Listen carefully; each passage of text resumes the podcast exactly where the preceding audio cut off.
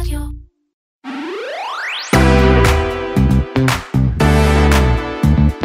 פרצת ענק של האקרים איראן משרתי חברת סייברסוב הביאה לחשיפת מידע מאוד מאוד רגיש של מספר מאוד גדול של ישראלים, ובפרט אנחנו מדברים על ישראלים שמשתמשים באתר הקריאות הלהטבקי אטרף.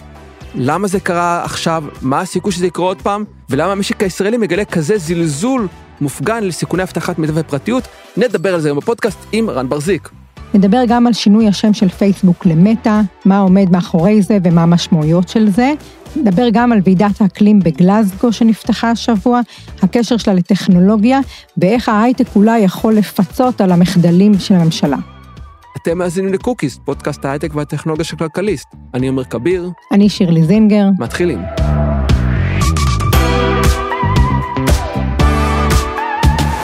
שירלי, החדשות המדאיגות של השבוע זה הפרצה של האקרים איראנים, או כביכול איראנים, לשרתים של חברת אחסון האתרים הישראלית סייברסב, ודליפת המידע, או גניבת המידע המאוד משמעותית שהייתה שם. אני חושב שהכי בולט זה המידע שנגנב מאתר אה, ההיכרויות לקהילה הלהטב"קית אטרף, שכולל וגם פורסם בחלקו מידע מזהה של משתמשים באתר, וממש ממש לאחרונה התבשרנו, מידע של אה, אנשים שסימנו את עצמם כחיוביים ל-HIV עם מספרי טלפון וכתובות אימייל, זאת אומרת מידע אישי מאוד מאוד מאוד רגיש. ואנחנו רוצים לדבר בעצם על איך הגענו למצב הזה, שמידע כל כך רגיש, דולף, מתפרסם בכזו קלות, אה, ונעשה את זה עם האיש שאוהב לחשוף דליפות ופרצות כאלה, אה, רן ברזיק, ארכיטקט תוכנה בסולוטו. נכון אמרתי רן? שלום שלום, כן זה לא נורא מפתיע שהדברים האלה קורים, במיוחד בישראל. אה, שוב במקרה הזה אנחנו לא יודעים מה הפרטים יותר מדי, כרגע עדיין העניין בחקירה, האתרים עוד לא עלו, אבל אנחנו כן יודעים שהחברה הזאת כן קיבלה דיווח, גם מח"ש סייבר ציין שהחברה הזאת קיבלה דיווח או מספר דיווחים, חוקרי אבטחה אחרים כמו עידו נאור ציינו שהם שלחו דיווחים לחברה ולא קיבלו מענה על כל מיני חולשות אבטחה. לצערי זה רק סימפטום של איך שהחברות ישראליות, במיוחד ישראליות, מתנהגות כאשר חוקרי אבטחת מידע או מערך הסייבר או גורמים אחרים באים ומדווחים להם שיש אצלם חורי אבטחה.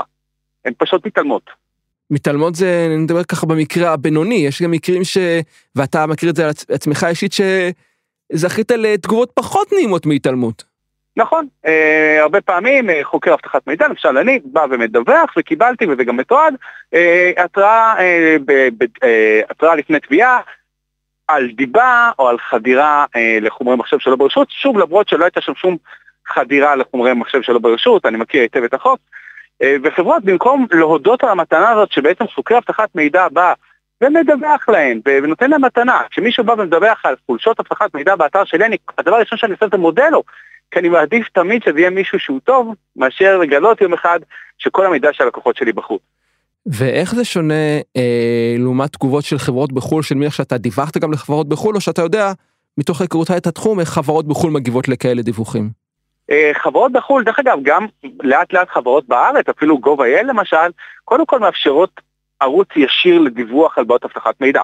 אם תיכנס למשל ל-gov.il, תגלול למטה, תראה לדיווח על בעיות אבטחת מידע, אנא צור קשר, זה הדבר הראשון שצריך לעשות, לפני שמדברים בכלל על היחס. היחס כמובן הוא בדרך כלל יותר מכבד, יותר רציני, לא מעט חברות גם משלמות כסף אה, בתוכנית מסודרת למי שחושף אצלנו אבטחת מידע, בעיות אבטחת מידע, משלמות לו כי הן מעדיפות שמישהו שהם אה, לשלם כמה דולרים, אפילו קצת יותר מכמה דולרים, מאשר שאנשים רעים יגלו את זה ואז הם יהיו חשופות להרבה הרבה יותר בלאגן.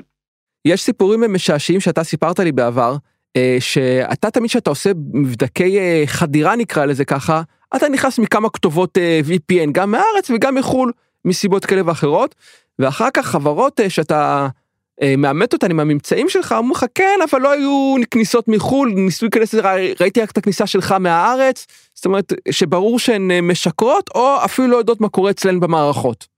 נכון. זה פרקטיקה שאני תמיד עושה, אני נכנס בדרך כלל מאיזושהי מדינה ערבית אקזוטית כלשהי, שישר קופצת בלוגין כדי לעשות את כל הבדיקות שלי, ואז כשאני פונה לחברה אני שואל אותה ומדווח להם על דליפת המידע, לפעמים דליפ, מידע מאוד מאוד רגיש, לפעמים תמונות, לפעמים פרטים מאוד אישיים, ושואל אותם, תגידו, אה, מדע, אה, האם מישהו אחר חוץ ממני נכנס? והם עונות בביטחון שלא. רק חברה אחת, דרך אגב, אה, אל על, ראוי לציין, שלפני כמה שנים מצאתי את דליפת מידע, באמת אמרו, אה, יש לנו כאן איזושהי אה, כניסה ממדינה כלשהי, ואמרתי, אה, זה אני, מהמדינה הזאת. לי יש שאלה, אנחנו דיברנו על זה שסייבר סרב קיבלו אזהרה מראש על החולשות אצלם. יש לנו איזושהי דרך חוקית מטעם המדינה או מטעם הציבור הפרטי להילחם נגד חברות שמתרשלות בצורה כל כך בוטה? אני חושב שזה רק במישור המשפטי. אה, במישור הפלילי, שוב, אני לא משפטן, אני גם לא יודע אה, אה, באמת חור האבטחה שדרכו האיראנים ניצלו את ה... את ה או פרצו להם, והוא באמת אותו חור אבטחה או חורי אבטחה שאותם קיבלו, אפשר להבין את זה מהתגובה של רשות הסייבר לעניין, אבל כרגע אין כל כך אכיפה, לא במישור הפלילי, רשות הפרטיות גם צריכה להתערב בעניין, אבל אין כל כך אכיפה. א', גם בגלל שחוק הפרטיות בישראל הוא מיושן ואין לו שיניים כל כך, וגם מהסיבה שלפעמים בתי משפט לא נוטים לפסוק פיצוי גבוה על אובדן פרטיות למרבה הצער. ויש כאן גם את העניין של מערך הסייבר שהזכרת אתה בתחילת הדברים שלך, שהם תשמע, אמרו מערך הסייבר, פנינו כבר כמה שנים, כבר כמה פעמים בשנה האחרונה לחברה הזאתי, והתרענו, והמשתמע זה שהם לא עשו כלום. אז בעיה אחת זה שמערך הסייבר גוף אה, עם הרבה כוונות טובות, עם לא מעט אנשים מוכשרים, אה, ועם כל הביקורת שיש לי עליו, והייתה לי לא מעט, בפעם הזו נראה שהוא פעל בסדר, פשוט הוא, החוק, או יותר נכון, היעדר החוק, מגביל אותו במה שהוא יכול לעשות. נכון. אה, גם צריך, ככה, קודם כל יש לי דעה מאוד מאוד טובה על מערך הסייבר, שבאמת עם כל הביקורת שיש עליו, הוא גוף שמאוד משתדל, יש בו כוונות טובות, יש לו מקצועיות מאוד גבוהה, אה, את זה אני יודע באמת ממקור ראשון, וגם תמיד יש מישהו שעונה שם, אה, וצריך אולי קצת להיזהר עם מתן סמכויות לגוף שגם ככה יש לו הרבה סמכויות, אבל כן צריך... צריך לחשוב על זה מחדש, אולי באמת כן לשנות את חוק, חוק הפרטיות, להכניס קצת יותר ענישה, קצת יותר אכיפה. יש גם את רשות הפרטיות שצריכה קצת יותר שיניים, וזה בוודאות, גם הם אומרים את זה. כרגע המצב הוא די, די מופקר, אפשר לומר. אני תוהה מה אנחנו כגורמים פרטיים בציבור, איך אנחנו יכולים להילחם על הפרטיות שלנו, איך אנחנו כמשתמשים באתרי היכרויות, איך אנחנו כמשתמשים אגב באתרי תחבורה, למשל גם קווים ודן הם בין החברות שנפגעו מהפריצה הזאת, איך אנחנו, מה היכולת שלנו לשמור על המידע שלנו?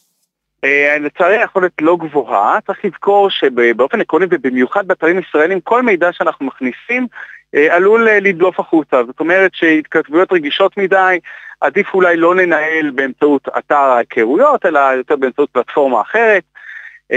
ולחשוב טוב טוב על איזה פרטים אנחנו מכניסים. אם מבקשים מאיתנו להעלות למשל מסמכים רגישים כמו תעודת זהות, אז כן למחוק למשל את תאריך ההנפקה, ממש אקטיבית עם איזשהו עורך גרפי.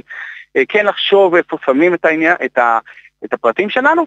העצה הכי טובה שאני יכול לתת לקור... למאזינים היא אה, לשים את אה, אה, השם שלהם, אם יש להם שם שהוא לא גנרי מדי, כמו משה כהן, בגוגל אלרט. ואז אם יש דליפת מידע, ישר תקבלו על זה התראה מגוגל. טיפ מעולה. כן. ותגיד, עכשיו כשהמידע שלך כבר דלף, אני מדבר ספציפית על המשתמשים באטרף, שלצערם חלק נחשפו בניגוד לרצונם, יש כבר מה לעשות בשלב הזה, או שזה באמת מאוחר מדי? לצערי אין הרבה מה לעשות עד כמה שאני יודע, חוץ מטיפול משפטי אה, אבל שוב, יש פה נזק, אנשים נפגעו, אנשים גם, אה, הפגיעה היא לאו דווקא אה, פגיעה ממשית, אלא גם לפעמים הרבה פעמים חרדה. או למשל שימוש במידע הזה לתקיפה משנית, למשל שאדם שהוא תוקף רואה את הפרטים האלה, לוקח אותם ואז מנסה לשכנע את הקורבן שהוא האקר האמיתי שגילה את הפרטים האלה ולסחוט ממנו כסף למשל. זה גם פגיעה, אבל חרדה היא באמת גדולה מאוד. אני יודע שיש שם אנשים שלא יצאו מהארון עדיין ומאוד מאוד חרדים, וזה באמת אולי הפגיעה הכי הכי קשה. יכול להיות שזאת הזדמנות של הציבור לפעול בנתיב של אה, מה שנקרא אכיפה ציבורית או משהו בסגנון הזה, של באמת תביעות אה, ייצוגיות נגד אה, חברות שהתרשלו ככה, ויאפשרו בעצם, לא יאפשרו, יכפו על חברות לקחת את הנושא הזה בצורה יותר רצינית. כן, לצערי בתי המשפט לא פוסקים סכומים גבוהים יותר מדי לנפגעים. זאת אומרת, יש תביעות ייצוגיות כל הזמן. היה, גם חלק מהן אני העדתי. אבל לצערי, שוב, התוצאות במשפט הזה, במשפטים האלה, הן לא תוצאות של ענישה ממש רצינית, לצערי. זאת אומרת, עדיין לא מספיק בשביל להרתיע חברות מלהתנהל בצורה יותר אה, רצינית. נכון, וגם רוב הציבור דרך אגב, אפשר להגיד שחלק מהציבור, עד שהוא לא נפגע באמת, הוא נוטה גם לזלזל באבטחת מידע ופרטיות, כמה פעמים שמענו, אתם בוודאי. אה, מה אכפת לי, גם ככה הסינים יודעים עליי הכל, בח בח בח בח. זה, זה דבר שקורה כל הזמן, ו, וגם הציבור, יש כאן עניין גם של שינוי ציבורי, שמידע באמת יכול להזיק ממש, וצריך לשמור עליו, במיוחד גופים וארגונים שאנחנו נותנים להם את המידע הזה. צריכים להגן, להגן על המידע הזה ולהגן עלינו. טוב, אז צריך אה, שינוי גם ארגוני, גם מדינתי וגם ברמה הפרטנית, להבין את החשיבות של אה, אבטחת מידע והגנה על פרטיות. אה, רן, תודה רבה שהיית איתנו. תודה. תודה לכם ויום טוב. בסוף השבוע בכנס מפתחים, פייסבוק הציגה את השם החדש שהחברה הולכת לעבור אליו, מטא, מתוך, יוצא מתוך המטאוורס, העולם החלופי הווירטואלי שהיא מתכננת שכולנו נחיה בו. כולנו חיכינו, חיכינו לשם החדש, לא מאוד הופתענו, בישראל היו עליו המון בדיחות כמובן. מה אנחנו יכולים ללמוד מהשם החדש הזה? מה המשמעות של כל המהלך הזה, אומר? אני חושב, א', אני חושב שהדבר הראשון שאפשר ממנו זה שלפייסבוק לא אכפת מדוברי עברית, אנחנו לא פונקציה אצלה בכלל. אף אחד לא חשב איך יגיבו לשם הזה בישראל, הוא טוב בעברית, הוא לא טוב בעברית, יצחקו, לא יצחקו, לא אכפת להם מאיתנו, זה בסדר, אנחנו אוכלוסייה קטנה, מיעוט זעיר בעולם, למרות שאנחנו רואים עצמנו כאיזה מעצמת הייטק אור לגויים, ונושאים אלה לאף אחד לא אכפת. אגב, בהקשר של מה שאמרת, הכתבה שאני הכי אהבתי בכל הסיפור הזה על פייסבוק ועל השינוי שם, שעכשיו צריך לקרוא לו מטא, והרופאים הייתה כתבה ב-BBC, שהייתה אינקרדולוס מהאיך שהשם הפך ללעג ו... צחוק בישראל, מה שכתבה, BBC הקדישו כתבה שלמה לאיך ישראלים מגיבים לשינוי שם, זה היה... לכל uh, הממים שעפו פה בסוף כן. שבוע. ועכשיו uh, קצת uh, ברצינות, השינוי שם הזה בעצם, מה הוא אומר, מה זה מטא, את הזכרת את המטאוורס, ובאמת המטאוורס זה, זה חזון עתידני מאוד לפלטפורמת מחשוב, תקשורת, בילויים, בידור, שתתרחש אה, בעולם של ה-VR אה, במציאות וירטואלית או AR מציאות מואשרת. אה, מי שרוצה להבין מה זה הכי הכי טוב בצורה הכי חיה ופשוטה יכול ללכת לראות את הסרט של ספילברג שחקן מספר אחת שמתרחש בעולם שהוא בעצם המטאוורס עולם וירטואלי שבו נעשית כל האינטראקציה הבין אישית. אה, דיבור עם אה, קשר עם אנשים אחרים עבודה לימודים בילויים משחקים פנאי הכל בעולם וירטואלי אה, וזה מה שפייסבוק בעצם רוצה לבנות. זה המטה וזה מה שהיא רוצה, היא לא החברה היחידה שרוצה לבנות את זה, יש עוד חברות, אה, ריבולוקס, יש לה פלטפורמת גיימינג שיכולה להיות בסיס מצוין למטאוורס, אה, יש הרבה חברות שרוצות להתעסק בתחום, זה מה שפייסבוק רוצה. זה מבחינת הדבר הגדול הבא אחרי, אם נסתכל על דברים גדולים שהיו בעולם, אתה היה מחשב אישי, אתה יודע, היה מחשב אישי, היה מובייל, היו רשתות חברתיות, הדבר הגדול הבא זה המטאוורס, זה שילוב בין הפלטפורמה תוכנה למכשירי VR ו-AR שיהיו.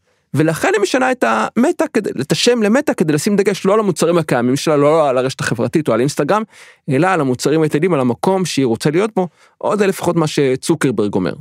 עכשיו, חלק גדול מהביקורת שהושמעה על הפרזנטציה וכל הסיפור הזה, היה על זה שהם אה, מתגים פה איזשהו עולם עתידני שבכלל לא ברור אה, מתי נגיע אליו, אם הוא אפשרי, והוא קצת ככה באוויר. לי יש שאלה בכלל, אם זה בכלל משהו שאנחנו רוצים להגיע אליו. שאלה מאוד טובה, אני דווקא אענה קודם על השאלה שלא שאלת, אה, על הביקורת ואני רוצה לצאת להתייחס אליה בקצרה. אני כמי שמכסה, מסתכל תחום טכנולוגיה כבר יותר מעשור, לא פעם ראשונה שאני רואה חזון עתידני מאוד מעניין מאוד מלהיב, לא פעם ראשונה שאני רואה חזון עתידני שעוסק בדיוק בתחום הזה של VR ו-AR. היו את משקפי ה HoloLens של מייקרוסופט, היה את Magic uh, Leap, שחברה חברה עם uh, נוכחות מאוד משמעותית בישראל, לא חברה ישראלית, אבל נוכחות מאוד משמעותית בישראל מתחום מבחינת המרכזי פיתוח שלה, שפיתחה קסדת VR שהייתה אמורה להיות גם כאילו, שהייתה מאוד דומה לכל החזון שצוקרברג הציג בכנס מפתחים, הם הציגו חזון מאוד דומה כבר לפני כמעט עשר שנים לדעתי.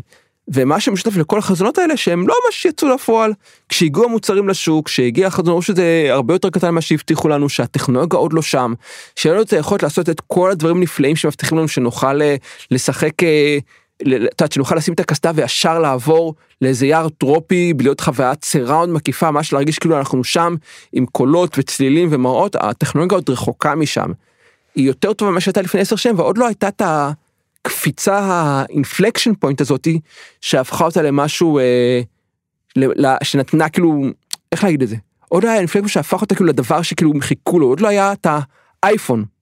כשהגיע היו, היו סמארטפון לפני האייפון אבל רק כשהגיע האייפון הראשון זה הייתה נקודת מפנה שהטכנולוגיה הייתה מספיק בשלה כדי באמת לעבור את ה... להכניס את העידן הזה של עידן הסמארטפון לעולם. הטכנולוגיה עוד לא שם ייקח הרבה זמן עד שהיא תגיע לדעתי אם בכלל כמו שאמרת זה אפשרי. ובתשובה לשאלה שכן שאלת, אם אנחנו רוצים להיות שם, אה, זו שאלה מאוד מורכבת, אם אנחנו רוצים לחיות בעולם כזה שבו האינטראקציה היא מאוד וירטואלית, שאין כמעט אינטראקציה פיזית, יכול להיות שכן, זאת אומרת, זה לא בהכרח דבר רע שבמקום שנשב אני עד כאן ואולפן, נשב כל אחד בבית שלו וננהל בדיוק את אותה שיחה ואת אותה אינטראקציה במרחב וירטואלי. אני אגיד לך מה אנחנו לא רוצים שיקרה, מה שאנחנו לא רוצים שיקרה זה שהחברה שמנהלת את העולם הזה תהיה פייסבוק, מטא. מטא, נכון? או פייסבוק, נכון? מטא זה יותר נכון? אנחנו לא רוצים, כי בוא נגיד ככה, לך שהפייס, מטא, טובה מאוד לבנות פלטפורמות גדולות, המוניות, שהרבה אנשים משתמשים בהם, אה, משתמשים בהן ונהנים, ולא יודע אם נהנים להשתמש בהן, אבל באמת משתמשים בהן בצורה אינטנסיבית ומהוות חלק משמעותי בחיים שלהם. היא פחות טובה בלנהל את הפלטפורמות האלה כמו שצריך, ולהבטיח שהחוויה תהיה בטוחה, נקייה מסכנות, נקייה מהסתה, מגזענות, משנאה, מקריאות לאלימות, בטוחה למשתמשים. היא כושלת בזה פעם אחר פעם, היא כושלת בזה, ראינו את זה במסמכי פייסבוק, עם הכישלון בלהגן על משתמשים צעירים באינסטגרם, עם הכישלון, אפילו הכישלון המכוון, בין אם, או אפילו, או מרשלנות פושעת, מלמנוע הפצה של, אה, אה, למנוע אה, סחר בסמים וסחר בבני אדם בפלטפורמה שלה, ראינו את זה מהחוסר היכולת שלה להתמודד עם הסתות לאלימות ולג'נוסייד במדינות שדוברות שפות שיחסית קשה לעקוב אחריהן, כמו שהיה במיינמר עם הג'נוסייד של בני הרוינגה.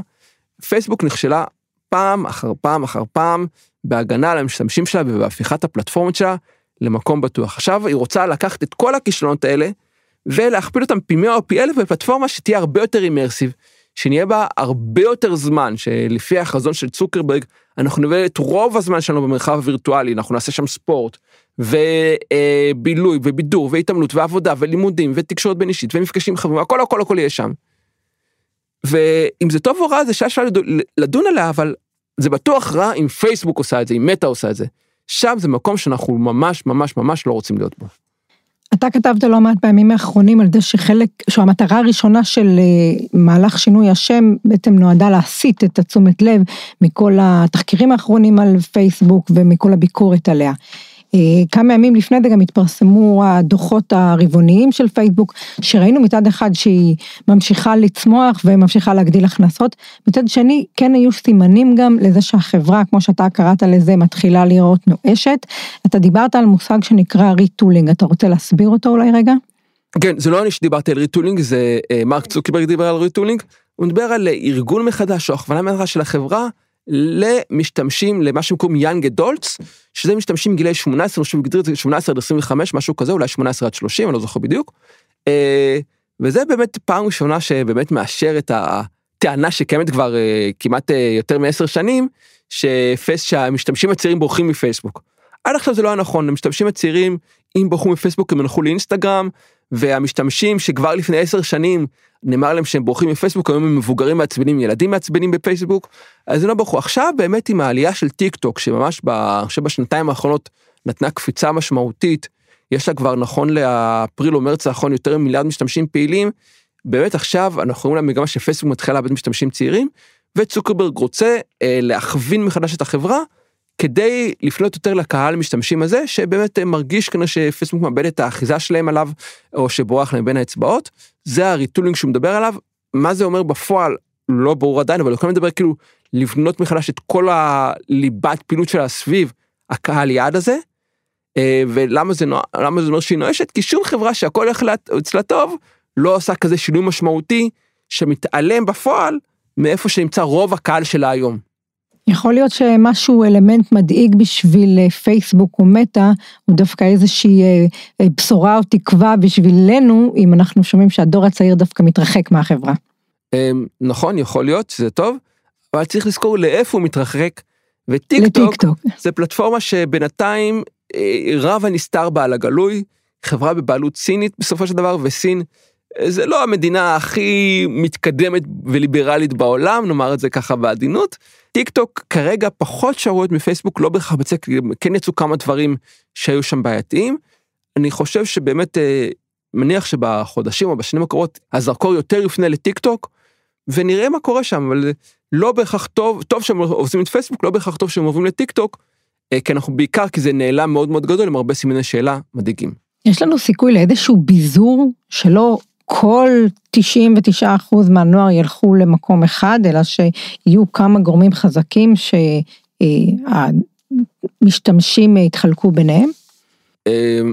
כן, זאת אומרת, אפשרי, אבל זה עדיין, המצב לא ישתפר בהרבה, כי עדיין מדברת על כמה גורמים חזקים, אז אם נגיד הם מתחלקים בין טיק טוק לאינסטגרם לטוויטר, אתה עדיין עם אותה בעיה, כי זה עדיין חברות גדולות, עם התנהלות בעייתית, אה, הפתרון בסופו של דבר צריך לבוא מעולמות של הרגולציה ושל החקיקה, אה, שמחייבים את החברות האלה לפעול בצורה מסוימת, שמענישים אותם, מענישים אותן, אם הם עושות איזה עבירות משמעותיות, שמאסדרים את כל הפעילות שלהן, גם עכשיו, אני חושב, אה, לפחות 20 שנה אחרי שעלתה הרשת החברתית הראשונה לאוויר, אם לא יותר מ-20 שנה, עדיין אין הסדרה טובה של התחום, וזה מה שצריך לשנות, לשתות, משם יבוא הפתרון לבעיה, לחלק מהבעיות שאנחנו מדברים עליהן, לא מזה שהם יעברו לחברה אחרת שבסופו של דבר יכולה לגדול ולעשות בדיוק מה שפייסבוק עושה.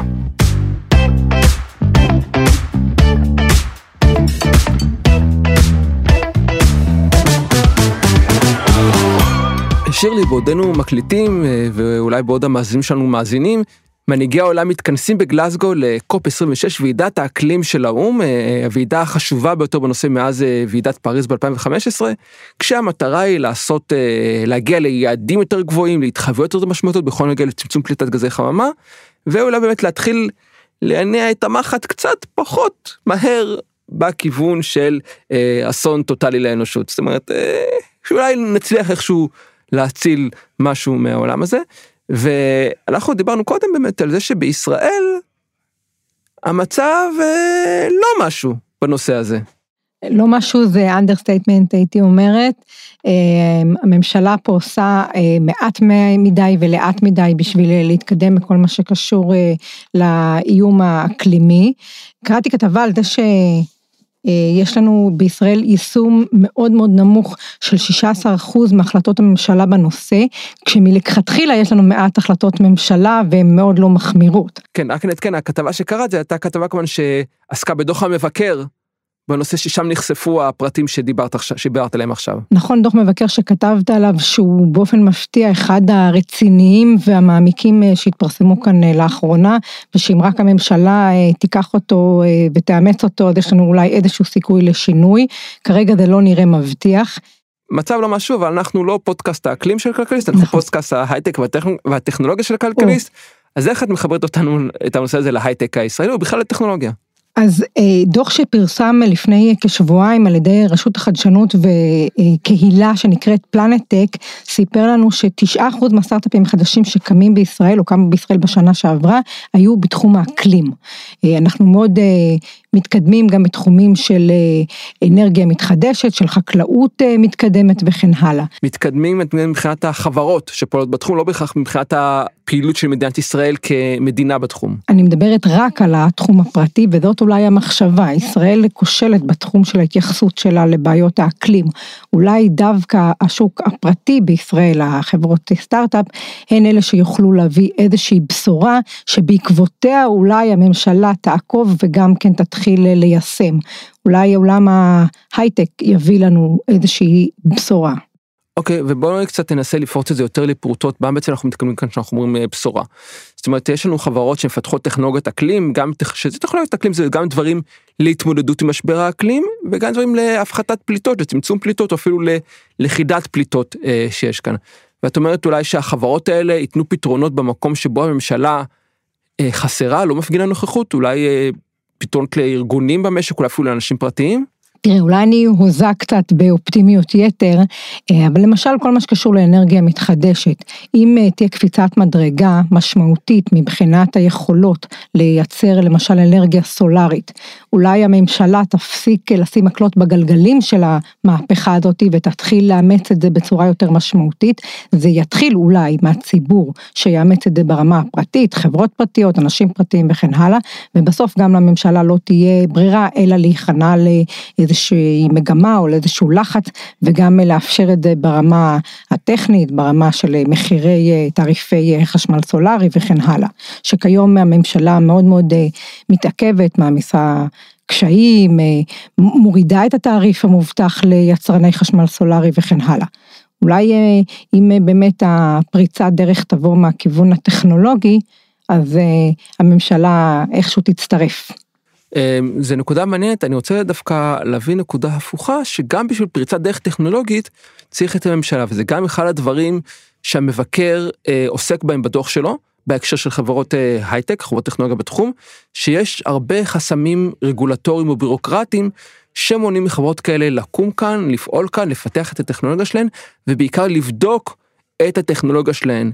יש קשיים לעשות ניסויים, אה, ניסויי תשתית בתחום, או ניסויים אה, בשדות חקלאיים בטכנולוגיות מסוימות, והמבקר אומר, אם אנחנו רוצים להיות מעצמת אה, אקלים, מעצמת אקלים טק, הממשלה צריכה לאפשר את הסביבה שיהיה בה נוח לעשות את ה... לפתח את הטכנולוגיות האלה, כמו שלמשל קורה בתחום של הסייבר, בסייבר המגבלות הרגולטוריות ככל שהן קיימות לא מונעות פיתוח של טכנולוגיות סייבר, לא מונעות מחברות לקום ולצמוח ולשגשג ולהפוך לענקיות טכנולוגיה. אקלים, תחום שיותר קשור למרחב הפיזי מאשר הסייבר, ככה את צריכה לצאת ולבדוק את הטכנולוגיה בשטח, לא מספיק לך שרת. שם יש יותר קשיים, וזה נקודה בעייתית שממשלת ישראל, מילא שהיא לא, לא מילא, אבל זה מספיק גרוע, שהיא לא מקדמת את הנושא מספיק. דיברנו על זה כבר, אני דיבר, כתבתי על זה לא מעט, היא גם עושה חסמים בפני מי שיכול לקדם את הנושא הזה. נכון, אתה הזכרת את הסייבר, אני דווקא עלה לי בראש הקבלה, עלתה לי בראש הקבלה למשל עולם של רכב אוטונומי, שדווקא פה כשמדינת ישראל רוצה, היא כן יודעת לנסות לאפשר אה, אה, ניסויים אה, בטכנולוגיה וכן הלאה. למה שלא יעשו דבר דומה עם מה שנקרא ארגז חול, מין כר לניסויים ואופציות, למה שלא יעשו דבר דומה ואפשרי למשל לטובת חברות של אקלימטק. נכון, אין סיבה, זה בדיוק מה שהמבקר אומר שצריך להיות כאן. הבעיה היא, וזה כבר סוגיה אחרת למחקר, שמדינת ישראל מאוד אוהבת אה, בירוקרטיות ושליטה, ומאוד אוהבת אה, להחזיק מקרוב, קרוב, קרוב, קרוב את כל הגורמים ולשלוט בהם כמה שיותר כל מקום שהיא יכולה. אה, וזה מעניין ועכשיו אני עוד פעם מזכיר שאני עושה דוקטורט במדיניות ציבורית אם לא הזכרתי עדיין ובדיוק דיברנו על הנושא הזה בקבוצה של אנשים שחוקרים בתחום אה, ואמרו שם אה, רגולטור מישהו רגולטור מישהו עובד באחד מהרגולטורים בישראל אמר באירופה התפיסה של הרגולטור הוא שאני שלא יצטרכו אותי שאני לא אהיה קיים שהשוק לא, לא יצטרך בשוק. ואני בא לאנשים בישראל אומר להם תשמעו באירופה זה ככה וצוחקים בפנים כי כאן רוצים להרגיש את הנוחות של הרגולטור רוצים שההתערבות של הרגולטור תהיה בפרטים הכי קטנים ואני מדבר כאילו על תפיסות שקיימות במשרדי ממשלה בישראל. ומאוד קשה להזיז דברים, לבטל רגולציות או להתניע מהלכים שדורשים איזה חופש פעולה מסוים או פיקוח רגולטורי מאוד רופף. תראה, אני, יש לי מחשבות לפעמים קצת קונספירטיביות שהרשלנות הממשלתית בכל מה שקשור לה, באמת לקידום האנרגיה המחדשת והרגולציות על אנרגיה מחדשת קשורות אולי אה, לאיזשהו אה, רצון אה, מדיני ממשלתי לקדם את הגז שיוצא לנו מהים. ומה ש, שאמור היה להיות אה, אמצעי אנרגטי זמני, אנחנו הולכים להיתקע איתו לעוד הרבה שנים, ואולי זה לא במקרה. זה לא בלתי נהדר היגיון מה שאת אומרת, אם מסתכלים על יעדים של הממשלה, ואני מדבר ספציפית על תוכנית 100 הצעדים שפורסמה לאחרונה, תוכנית של אה, שרות, אה, שמובילות אותה שרות האנרגיה ושרות, והשרה להגנת הסביבה, אה, אין שם התייחסות ישירה לגז טבעי, יש שם יעדי אנרגיה מתחדשת מאוד נמוכים, וכשאין אנרגיה מתחדשת מה נשאר? אה, דלקי מאובנים שבישראל זה פחם שאומנם בירידה וגז טבעי או, או יותר נכון בשם היותר אה, מדויק שלו גז מחצבים. זאת אומרת אין מספיק מעבר מספיק מהיר לאנרגיה מתחדשת שזה מה שדרוש אה, ל, להתמודדות עם משבר האקלים למיטיגציה של משבר האקלים.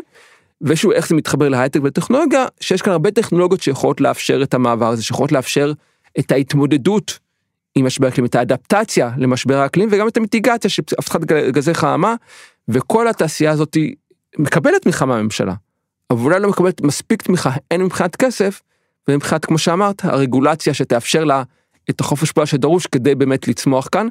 לדעתי מה תהיה התוצאה של זה, שהחברות האלה במקום לצמוח ולעבוד כאן, ילכו לעשות את זה במדינה שמאפשרת להן לעשות את זה.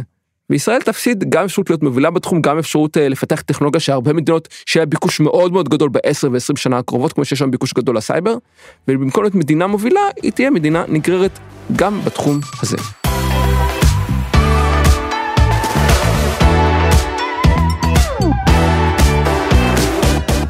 ומה cookies אנחנו עוברים לקוקיות, הדברים הקטנים או ההמלצות שעשו לנו את השבוע.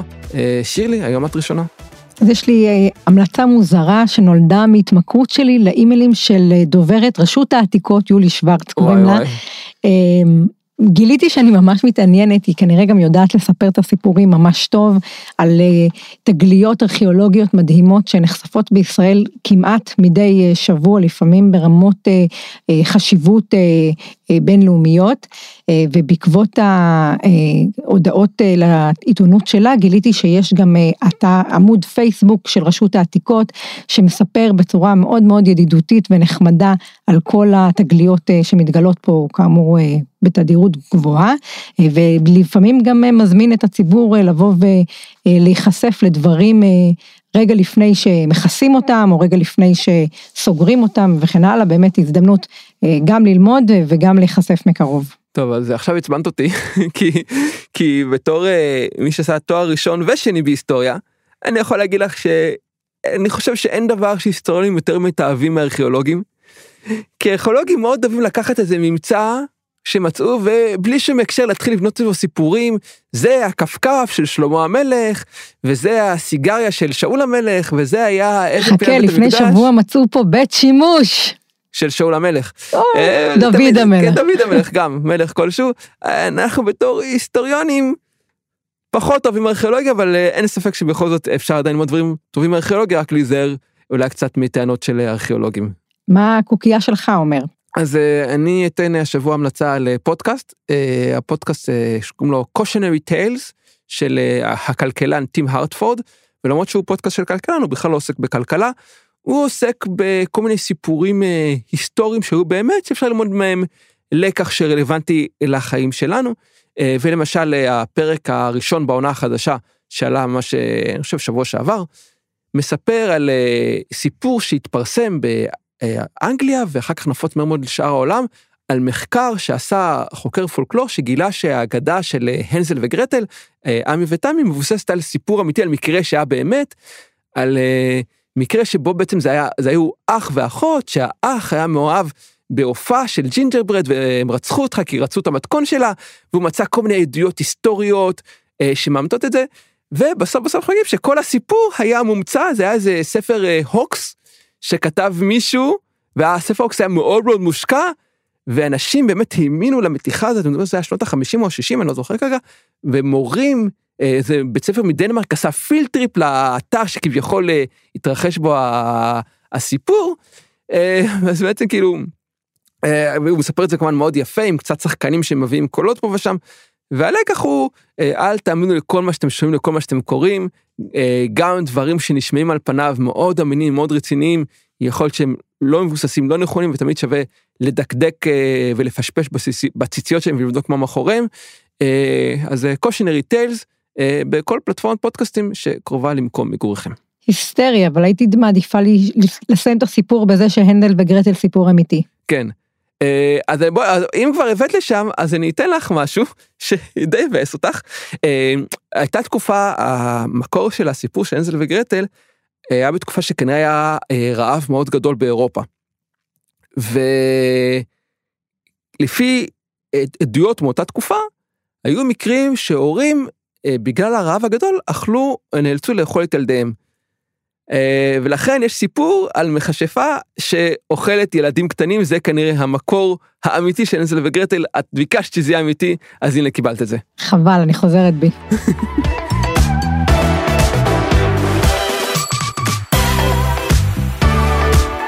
אלה העוגיות וה cookies שלנו לשבוע, אני עומר כביר. אני שירלי זינגר. תודה לאופיר גל, ואם אהבתם, חפשו אותנו באפל פודקאסט, בספוטיפיי ובגוגל פודקאסט, וירשמו אלינו להתראות בשבוע הבא.